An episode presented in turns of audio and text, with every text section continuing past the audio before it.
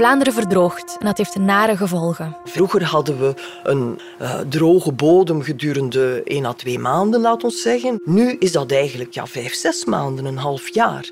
En dat heeft toch wel belangrijke gevolgen, hè, want die bodem droogt verder uit. In het Limburgse dorp Rukkelingeloon verzakken en scheuren tientallen huizen in de verdroogde bodem. Zo komt de scheur aan alle kanten terug. Aan de andere kant van de venster nog altijd uh, aan het bewegen zit. Dat is ook meer verzakt hier onder die dorpel van, van de garage. Hier is het ook allemaal verzakt. Hè. Ik had hier serieus verzakkingen op het terras. Hè. En ook mijn staal is ook begonnen. Drie, vier rijen bakstenen die uh, gewoon schuin doorgebarsten zijn. Je ziet je doorlopen de bakstenen dwars doorgebroken. Dus dat huis is scheef gaan staan op zichzelf. Helemaal gescheurd, ziet. Onderkant huis, alle kanten gescheurd. Klinkt hol, hè. En dan vanaf hier is het verschrikkelijk wat je gaat zien. Dat is de huis achter de ander. Naast de voordeur. Dat is de eerste baars. Dan hoort je sommige dagen je huis wel kraken. Eh, het stopt dus niet, hè, de scheur. Elk huis op de straat hier is gescheurd. Maar ook in West-Vlaanderen en het noorden van Antwerpen en Vlaams-Brabant zijn al problemen opgedoken. Zal dat fenomeen nog toenemen in België? Alle scenario's eigenlijk voorspellen dat er langere droge periodes gaan zijn, maar ook langere natte periodes. Dus uh, ja, toch wel wat lagere grondwaterpeilen enerzijds, maar langs de andere kant ook hogere grondwaterpeilen tijdens die nattere periodes. En de hamvraag, kunnen we iets doen aan de verzakkende huizen? Mensen houden rekening mee als we moeten tussen beiden komen, dat het begint vanaf 20, 25.000 euro. Het is maandag, 13 juni. Ik ben Marie Garé en dit is vandaag de dagelijkse podcast van de Standaard.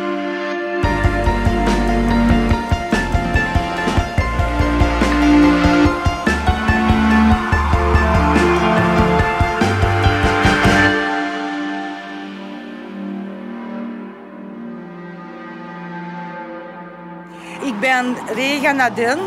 Ik woon in de Bovelingenstraat 336 in Rukkelingeloon. En uh, wij hebben dus schade, veel scheuren aan ons huis. Ik ben Erika Prinsen, ook eigenaar van het huis op de Bovelingenstraat 318 in Heers. Ik ben Peter van der Hagen, eigenaar van deze woning waar mijn dochter in woont. In de Bovelingenstraat 310 in 3870 eh, Heers. Dag Josephine Dapa, binnenlandredacteur. Je hebt rondgelopen in dat dorp in Limburg, waar verschillende huizen verzakken en scheuren. Wat is daar allemaal aan de hand? Wel, um, we zijn daar in uh, het dorpje Rukkelingenloon, um, in de Haspengouwstreek, langs gegaan bij um, enkele bewoners die in 2018 al merkten dat hun huizen plots barsten begonnen te vertonen. Intussen gaat het om een dertigtal huizen misschien zelfs meer, maar niet iedereen erkent en herkent de schade op dezelfde manier. En er komen nog wekelijks, wekelijks huizen bij die plots scheuren zijn in een huis. Kijk, die deurmomenten, hè, die krijg ik niet heel moeilijk dicht. Zie je En kijk nu die deur. Kijk wat we hier moeten zetten. Zie, voilà. Die gaat van nergens dicht. dus dan moeten we... Ja, dat is ook omdat ja, het is verzakt. Hè deur gaan zelf dicht. Dus dan moet je constant ja, die stopjes ervoor zetten. Kijk, dat we ook al moeten herzetten. Ons, ons, ons hek eigenlijk. Ziet, je moet hoger hangen, anders krijgen we het niet meer dicht. Omdat ziet, hier is het ook allemaal verzakt. Hè. Een centimeter of drie, vier. En hier ook gaat het niet verder. Ziet, hier is het ook volop bezig. Ik had hier serieus verzakkingen op het terras. Hè. Dus hebben we die ook niet laten leggen. Nou ja, wij graag buiten zitten in de zomer. En ziet, het is allemaal terug vertrokken. Ja, hier die tegel bijvoorbeeld langs die paal. Ja, die is eigenlijk een twee gebroken. Hè? Kijk, je ziet de cement uit, de, het voedsel uit uh, van tussen de bakstenen vallen. Um, en hier ziet je dus van onder de tablet van het raam tot op de grond bijna. Ziet je doorlopen. De bakstenen dwars doorgebroken eigenlijk. En het gaat zomaar verder. Dus dat huis is, scheef gaan staan op zichzelf. Het is beangstigend. Het geluid van de losgekomen voedsels. Dat is de eerste baarst. Maar als je dan de bovenverdiep gaat, ja, daar staat dat eh, al een centimeter open. Dat hebben we al terug moeten repareren. Want je voelde eigenlijk de kou van buiten binnenkomen. Boven is zelfs het plafond al van de muur afgekomen. Ons huis zakt eigenlijk naar ene kant. Wij hebben altijd bang dat ons huis gaat omvallen vandaag of morgen. Oh, ja. Zo kun je het heel dorp eigenlijk blijven aflopen. Daar, zie je. Daar, daar in de hoek van onderen. Daar onder de vensterbank. Je kunt blijven bezig zijn. Dan zijn we hier direct aan de waterwinning. Het is een alle straten. Die wat ergste hebben zijn vooral eigenlijk de huizen, wat ik zeg, het verlengde van de beek die droog staat. En hoe verder van de beek af, hoe minder erg eigenlijk. Ja, Josephine, je hebt gepraat met de bewoners die we net hoorden. Zijn die mensen in het dorp bang dat hun huizen nog verder zullen verzakken? Ja, ja, ja, ja absoluut. Hè. Um, nu, dat gaat dan ondertussen over een hele groep. En uh, omdat ze een soort van patroon herkenden, hebben ze eigenlijk een expert aangesteld die vaststelde dat de bodem in de directe omgeving sterk uitgedroogd was. Uh, die expert QBQ die, die heeft dan gezegd van ja, is er iemand die heel veel water onttrekt? Heb je daar weet van? Het is dan dat hun uh, belletje ging rinkelen, omdat er natuurlijk die nabijgelegen watergroep is die drinkwaterwinning doet. Die waterwinning loopt en zij zien daar het verband. Dus in hun ogen is het zo dat zolang de waterwinning van de watergroep niet aan banden wordt gelegd, die schade zich alleen maar verder zal zetten. Maar het slot is eigenlijk toch dat ze mogen die twee jaar verder pompen. Dus dat wil zeggen als er nog droge zomers zijn, ja, wat gaat er dan gebeuren? Hè? Dus het gaat nog verder scheuren. Hè? En ook, ik kan niet begrijpen dat die vergunning niet stond nu, dat ze hebben gegeven. Uh, als het droog is in de zomers, dat ze zich toch tenminste zouden moeten aanpassen voor niet verdere schade te veroorzaken. Het gaat alleen maar verergeren. Hè. Het kan alleen maar verergeren. Um, en een vergunning geven voor uh, twee jaar 850.000 kubieke meter water op te pompen. Zonder dat er enige garantie is dat het, dat het uh, niet gaat verergeren. Um, dat lijkt mij nogal moeilijk. Maar de watergroep houdt vol dat die scheuren en verzakkingen het gevolg zijn van de klimaatverandering en een race mogelijke andere factoren. Ze zeggen, die het een boom langs zijn huis, die het een zwembad, die ja. het uh, verharding gezet. Maar in Rukkelingenloon geloven ze daar niets van. Het ligt aan het oppompen van het water voor hen. Een druk kruispunt, een andere heeft ik weet niet wat.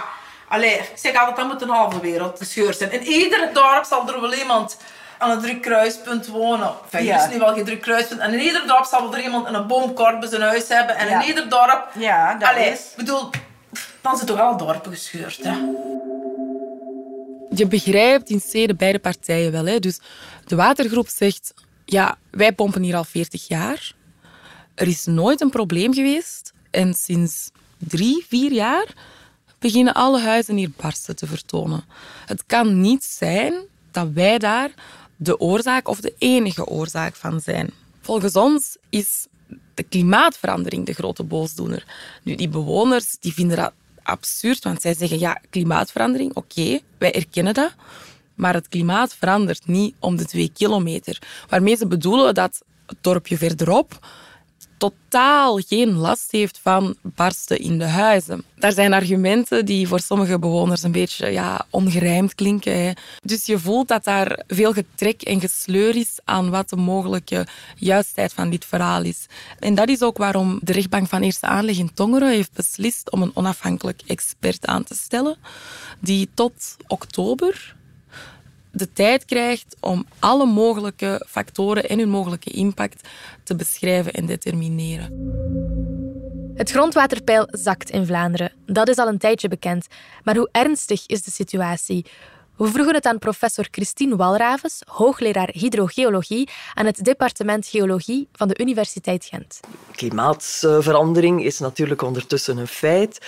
Dus uh, alle scenario's eigenlijk voorspellen dat er langere droge periodes gaan zijn, maar ook langere natte periodes. Dus uh, mogen we ons in principe verwachten aan ja, toch wel wat lagere grondwaterpeilen enerzijds, maar langs de andere kant ook hogere grondwaterpeilen tijdens die nattere periodes. Maar wat zijn de oorzaken van dat dalende grondwaterpeil? We hebben vastgesteld dat het voor de laatste drie jaren eigenlijk vooral die droge voorjaren zijn. Het feit dat uh, maart en april dat die bijzonder droog zijn. En dat gaat ervoor zorgen dat de grondwaterrecessie, noemen wij dat, dus dat is het terugvallen van het grondwaterpeil na de winter, gaat dat veel sneller gaan, die daling. Krijgen we eigenlijk plotseling op heel korte tijd een daling tot het zomerpeil. Zodanig dat in mei al het zomerpeil van, van augustus, dat dat eigenlijk al bereikt is. En dat betekent natuurlijk wel dat de, de, de bodem uh, boven de grondwatertafel, dat die voor een langere periode droog wordt en dat die dus verder gaat uitdrogen. En wat zijn de gevolgen van het dalende grondwaterpeil? Die gevolgen kunnen inderdaad te maken hebben met zettingen. Zettingen. Het woord is gevallen. De grond wordt samengedrukt en daardoor kunnen funderingen bewegen. Welke gebieden in Vlaanderen zijn daar het gevoeligst voor? Wel, dat zijn eigenlijk de gebieden waarin de, de bovenste meters plastische gronden, zoals kleilagen, zoals leemlagen, aanwezig zijn. En we zien ook dat eigenlijk de gebieden in Vlaanderen waar wij op uh, geringe diepte een kleilaag hebben, uh, dat daar zich vooral problemen beginnen voor te doen. Scheurende huizen in West-Vlaanderen bijvoorbeeld, wel, dat is op de Iperiaanklei. Daar is het volgens ons een kwestie van het uitdrogen van die klei. Hè, waar anderzijds soms ook wel gerefereerd wordt naar grondwaterwinning. Hè. Het zuidelijk deel van West-Vlaanderen is nogal uh, berucht eigenlijk bij uh, hydrogeologen voor de overexploitatie op grote diepte. Maar dus goed, die overexploitatie van, die, van de sokkel, die wel geleid heeft tot een aanzienlijke daling van de waterdruk in die diepe laag, die gaat volgens ons toch niet de aanleiding zijn voor het scheuren van die huizen. Omdat dat iets is wat zich op, op zeer geringe diepte voordoet, vermits de winning op zo'n grote diepte gebeurt, dat is meer dan 100 meter, en dat daar ook een heel dikke kleilaag tussen zit, hè, die er gaat voor zorgen dat die grote daling van die waterdruk op die diepte, dat die zich eigenlijk niet echt doorzet aan het maaiveld. Zeer afgezwakt, een paar centimeter hoog uit en op lange termijn. Dus dat kan ook niet die differentiële zettingen veroorzaken. Het zijn vooral die ongelijke zettingen die een probleem zijn, want zo kan de ene kant van een huis verder zakken dan de andere kant, met scheuren tot gevolg. Professor Walravens spreekt zich niet uit over wat in Rukkelingen precies aan de gang is. Maar scheuren, het is nu wel net wat ze daar zien. Rukkelingen is eigenlijk zo'n beetje een geval tussen de twee. Daar gebeurt de waterwinning niet zeer diep, maar ook niet zeer ondiep. Dat is ook niet die watertafel die daar rechtstreeks door aangesproken wordt. Het is niet uitgesloten dat we in Rukkelingen te maken hebben met een vertraagde respons van de waterwinning op de watertafel. Maar langs de andere kant denk ik dat het toch een beetje te kort door de bocht is om nu onmiddellijk alleen maar aan die waterwinning te denken. Ik denk, onder voorbehoud, hè, want ik heb het niet bestudeerd, maar ik denk dat het hier wellicht ook een combinatie van factoren is. Het is dus wellicht veel ingewikkelder dan wat je als bewoner van Rukkelingen boven de grond ziet, zegt professor Walraves. Kan er iets tegen de verdroging van de grond gedaan worden? En wie moet dat dan doen? Natuurlijk, Rukkelingen, daar geef je wel weer een voorbeeld. Daar bevindt de waterwinning zich ja, toevallig in het dorp zelf. En daar is dan toch wel het bekijken waard uh, hoe het zit met de verharding in dat dorp. Het zal ook geen wondermiddel zijn hoor, maar het zou kunnen bijdragen tot, tot een oplossing van het probleem. Net zoals zelf geen waterwinning starten, hè. zelf zuinig zijn met water, hè kunt de vraag stellen of het verstandig is om een drinkwaterwinning in een dorp te vestigen. Dat is dan weer een andere vraag. Dus het is een heel complexe materie. Maar ik zou toch graag heel voorzichtig zijn met het werpen van een steen naar de openbare drinkwatervoorziening in ons land. Wat de dorpelingen vragen, minder pompen als het droog is, lijkt misschien voor hen op het eerste gezicht logisch, maar professor Walravens denkt niet dat dat het probleem zal oplossen. Het is niet in de bovenste waterlaag hè, dat ze water winnen. Het is niet rechtstreeks de watertafel die ze beïnvloeden. Dus daar zit nog een leemlaag tussen.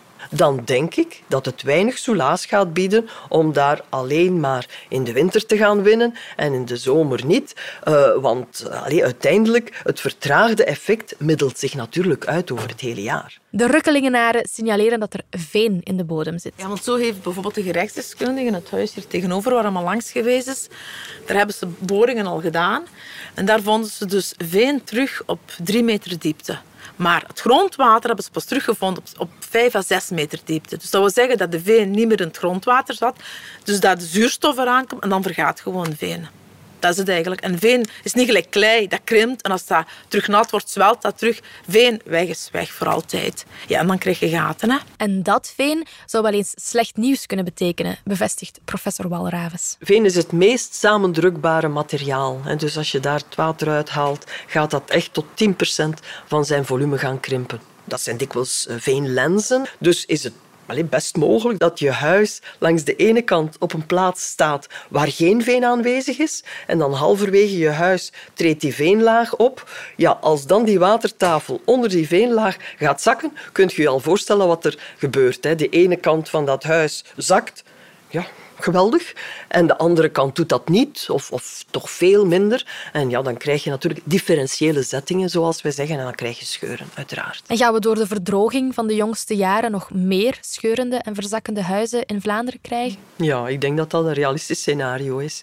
En ik denk dat ook uh, bij de constructie van de huizen daar rekening gaat moeten mee gehouden worden. Maar kan je als eigenaar van een gescheurd en verzakt huis maar beter verhuizen of valt er iets aan te doen? Jawel, zegt Mark Meersman, technisch directeur van het Limburgse gespecialiseerde bedrijf CVR. Voor de gebouwen die aan het verzakken zijn, dat is een beetje in functie van de staat van de fundering, de kwaliteit van de woning, voeren we meestal, uh, voeren we dat meestal uit met micropalen. Wij gaan de funderingen gaan verdiepen naar grote diepte. Als de mensen ons contacteren, dan sturen wij die eerste mailtje terug van uh, mensen, houden rekening mee dat we, als we moeten tussen beiden komen, dat het begint vanaf 20.000, 25.000 euro. Dan spreken we over ergens een hoek van een woning die eruit scheurt. En wat als heel je huis verzakt en gescheurd is? Als een volledige woning uit elkaar scheurt, dan is het zeer moeilijk om, om dat effectief te gaan oplossen. Want ja, dan, dan, moet je dat huis gaan strippen tot op de ruwbouw. Bij CVR krijgen ze de jongste jaren duidelijk meer verzakkingen en scheuren te repareren. Heeft dat te maken met de droogte in Vlaanderen van de jongste jaren? Ja, ja dat gaat zeker zijn. Dat gaat zeker zijn. Dat is zeker zo. De laatste jaren zijn een aantal dossiers van, van, van zettingen en, en, en scheuren en door de droogten zijn zeker toegenomen, absoluut. Wil dat dan zeggen dat we onze huizen anders moeten gaan bouwen? En wordt dat dan duurder? Als we nieuw gaan bouwen en je gaat op kleigronden bouwen, dan denk ik dat we anders moeten gaan bouwen, absoluut. De tijd, de tijd van in kleigronden uh, sluitingskitten gaan maken, die denk ik is, is gedaan. Ik bedoel, uh, dat is minstens kelder. als, als, als ik voor mijn eigen moet gaan bouwen, dan steek ik daar gewoon palen onder. Maar als je een nieuwbouw op voorhand funderingspalen steekt, dan is uw kost van uw fundering iets hoger, maar niet spectaculair. Um, maar dan zijn er wel gerust en dan, dan, mag er gebeuren wat er wil, dan blijft een gebouw staan. Als je nieuw bouwt in, in deze gronden, moet je volgens mij op palen of minstens op een kelder. Josephine, er loopt nog steeds een procedure tegen de watergroep. De bewoners willen een schadevergoeding. Ja, ik denk dat ze um, eerst en vooral twee dingen eisen. Sowieso willen ze dat er iets wordt gedaan met die waterwinning, die voor hen zo disruptief is of disruptief blijkt te zijn, die onafhankelijke expert zal moeten aantonen wat daar wel en niet van aan is. Ik denk ook dat er bewoners zijn die een schadevergoeding willen, want ik zei het al, heel veel van die mensen die hebben geïnvesteerd in die huizen als een appeltje voor de dorst. Ik sprak met iemand die zei, ja, mijn huis, dat is mijn pensioen ik wil dat verkopen als ik later naar een woonzorgcentrum moet. Wat moet ik nu in godsnaam doen? Dus ze willen echt een oplossing zien voor enerzijds schade in de omgeving en de natuur, maar ook voor hun toekomstperspectief, hè, ehm, dat op dit moment wel aan diggelen ligt. En eigenlijk, ik moet eerlijk zijn, uw huis, ja, eigenlijk is dat uw spaarboek hè, voor later. Ja, nu heb je niks meer. Zo simpel is het. En is dat voor te janken, hè. Dus in 2019 is alles begonnen. We zitten in 2022 en eigenlijk zijn we nog geen stap verder met niks. Het is nu al drie jaar aan de gang.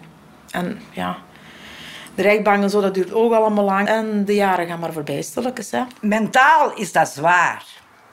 Want je denkt, ja, je hebt zoveel jaar gewerkt voor je huis. Je heel spaarcenten steken daarin. Dat is uw spaarpot voor uw oude dag. En wat blijft daarvan over als dat zo verder gaat? Ik ben op een leeftijd gekomen waar dat je op een bepaald moment een klein beetje probeert te berusten, maar het, het is wraakroepend dat het weinige geld dat je gespaard hebt in, in rook vergaat, want je krijgt dat huis onmogelijk nog verkocht.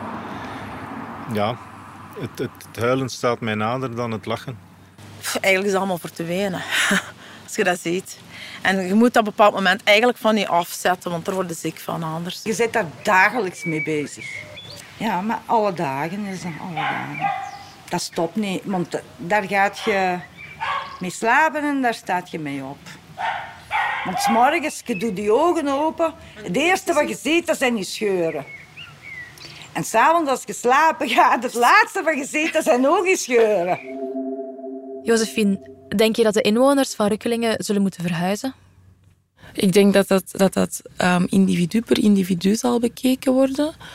Het gaat natuurlijk over vrije keuzes. Ik denk niet dat er iemand is die hen kan dwingen. Alleen, voor zover ik weet, niemand is die hen kan dwingen om te verhuizen. Maar je voelt wel, ik heb het al een paar keer benadrukt, mensen zijn bang. Ze hebben eigenlijk geen kapitaal meer. Als je al wil verhuizen, dan zou je je huis moeten verkopen. Maar het huis is niks waard. Ook door de, de media-aandacht die er is voor die zaken, zijn superveel mensen op de hoogte van het feit dat Rukkelingenloon op dit moment geen hotspot is om grond of vastgoed te kopen. Anderzijds zit je ook heel vaak met een soort van ja, sociaal gegeven. Um, mensen zijn gehecht aan de plek waar ze wonen. Los van de schade die gepaard gaat met deze situatie, zit je ook gewoon met een soort van sentiment dat je eigenlijk nog met geld, nog met juridische procedures kan oplossen. Mensen zijn echt gekwetst op heel veel verschillende manieren. En wie daar dan uiteindelijk de schuldige van blijkt te zijn, denk ik wat dat betreft zelfs nog weinig ter zake doet. Josephine, dankjewel. Dit was vandaag, de dagelijkse podcast van de Standaard. Bedankt voor het luisteren. Alle credits van de podcast die je net hoorde vind je op standaard.be podcast. Reageren kan via podcast.standaard.be. Morgen zijn we opnieuw.